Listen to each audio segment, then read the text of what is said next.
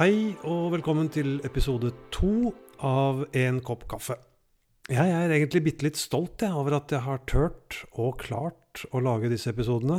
Så da kan vi jo kanskje snakke litt om det, da. Stolthet. Håper du har eh, kaffen klar.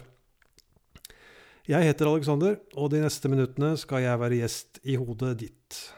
Og det passer jo bra, for inni hodet mitt er det nemlig ofte kaos og ikke plass til alt. Så da kan jeg jo skyfle noe ut, da, og håpe at det treffer noen andre. Jeg har fått muligheten til å bli litt bedre kjent med meg sjøl den siste uka.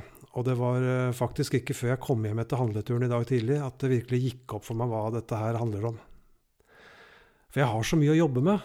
Det er så mange småting som dukker opp hele tida. Og det er ikke fritt for at jeg feier et par av dem under teppet, eller at jeg heller konsentrerer meg om å se de samme feila i andre, og heller pirker i dem enn å faktisk gjøre noe med mine egne. Så la oss snakke litt om stolthet, da, dere. For der tror jeg det ligger noen hunder begravd hos hver og en av oss. Vi har jo all mulig rett til å være stolte av å ha blitt edru. Og at vi nå er i stand til å leve et liv som er bedre. At vi har klart å komme oss unna en eh, tilstand som har styrt oss mot avgrunnen, og som antagelig hadde kommet til å ta livet av oss. Og hvis vi er villige til å fortsette å gjøre en innsats, kommer vi til å ha masse å være stolt av i framtida også. Den følelsen av stolthet er en belønning vi får i tilfriskninga vår. Men vi skal passe oss litt. Noen mennesker blir så fulle av stolthet at det hindrer dem i å komme videre. Hindrer dem i å oppnå nye høyder i edruskapet. Vi begynner å tro at vi allerede har alle svara, og dermed begynner vi også å se på andre mennesker som eh, mindreverdige. Og plutselig har denne stoltheten blitt en risiko. Plutselig har dette eskalert, og bevega seg over til å bli hovmod. Og jeg sitter på møte og himler med øynene og andre deler, føler meg bedre og større og sterkere og tenker 'herregud, har ikke kommet lenger'. Det er hovmodet. De fleste av oss har én eller flere personlighetstrekk som passer godt inn i det vi snakker om, som en alkoholikers personlighet. De fleste av oss uh, som ramler ned i avhengigheten, har på et eller annet nivå et stort problem med vår egen selvfølelse. Og da er det lett å sette på seg en maske da, og vise verden et helt annet bilde av oss sjøl. For da kan vi være sterke og tøffe og mestre alt. Vi, verdensmesterne! Og en alkoholiker utvikler raskt en helt fantastisk evne til å ligge i rennestein og samtidig klare å se ned på andre.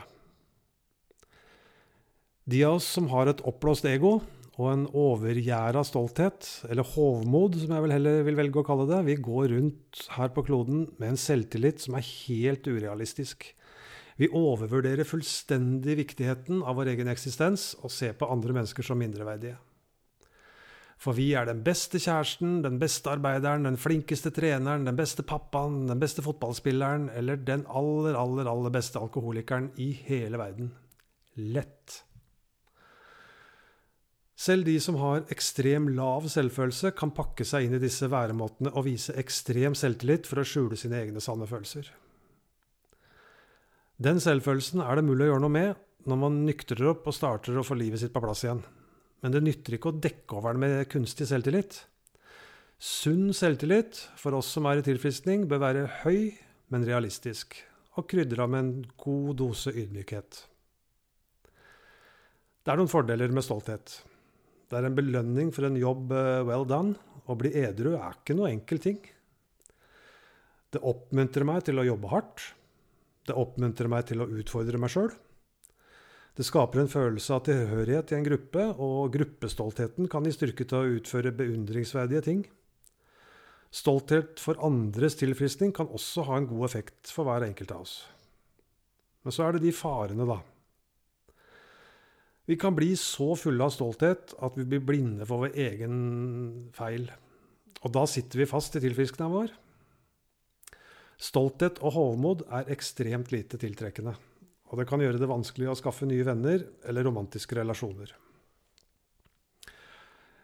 Hvis jeg sliter med å holde meg edru, og jeg er for stolt til å be om hjelp, da mister jeg de verktøya som jeg er så glad for at vi har. Har jeg urealistisk høy selvtillit, har jeg antagelig mista kontakten med virkeligheten.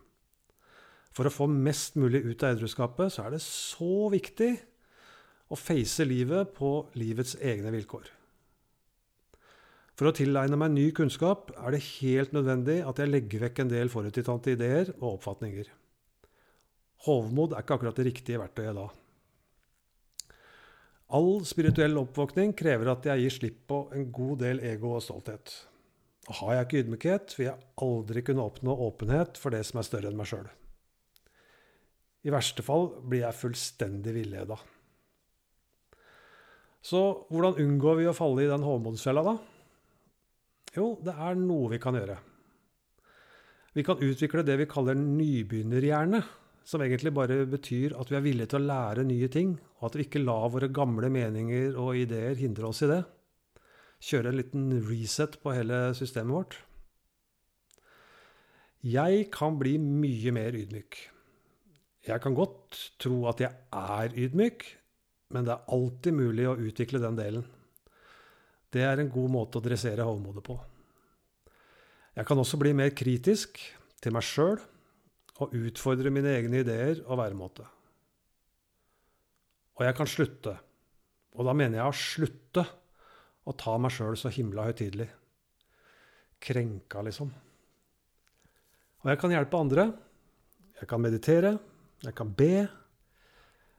Jeg kan søke min egen spirituelle vei med et enda åpnere sinn.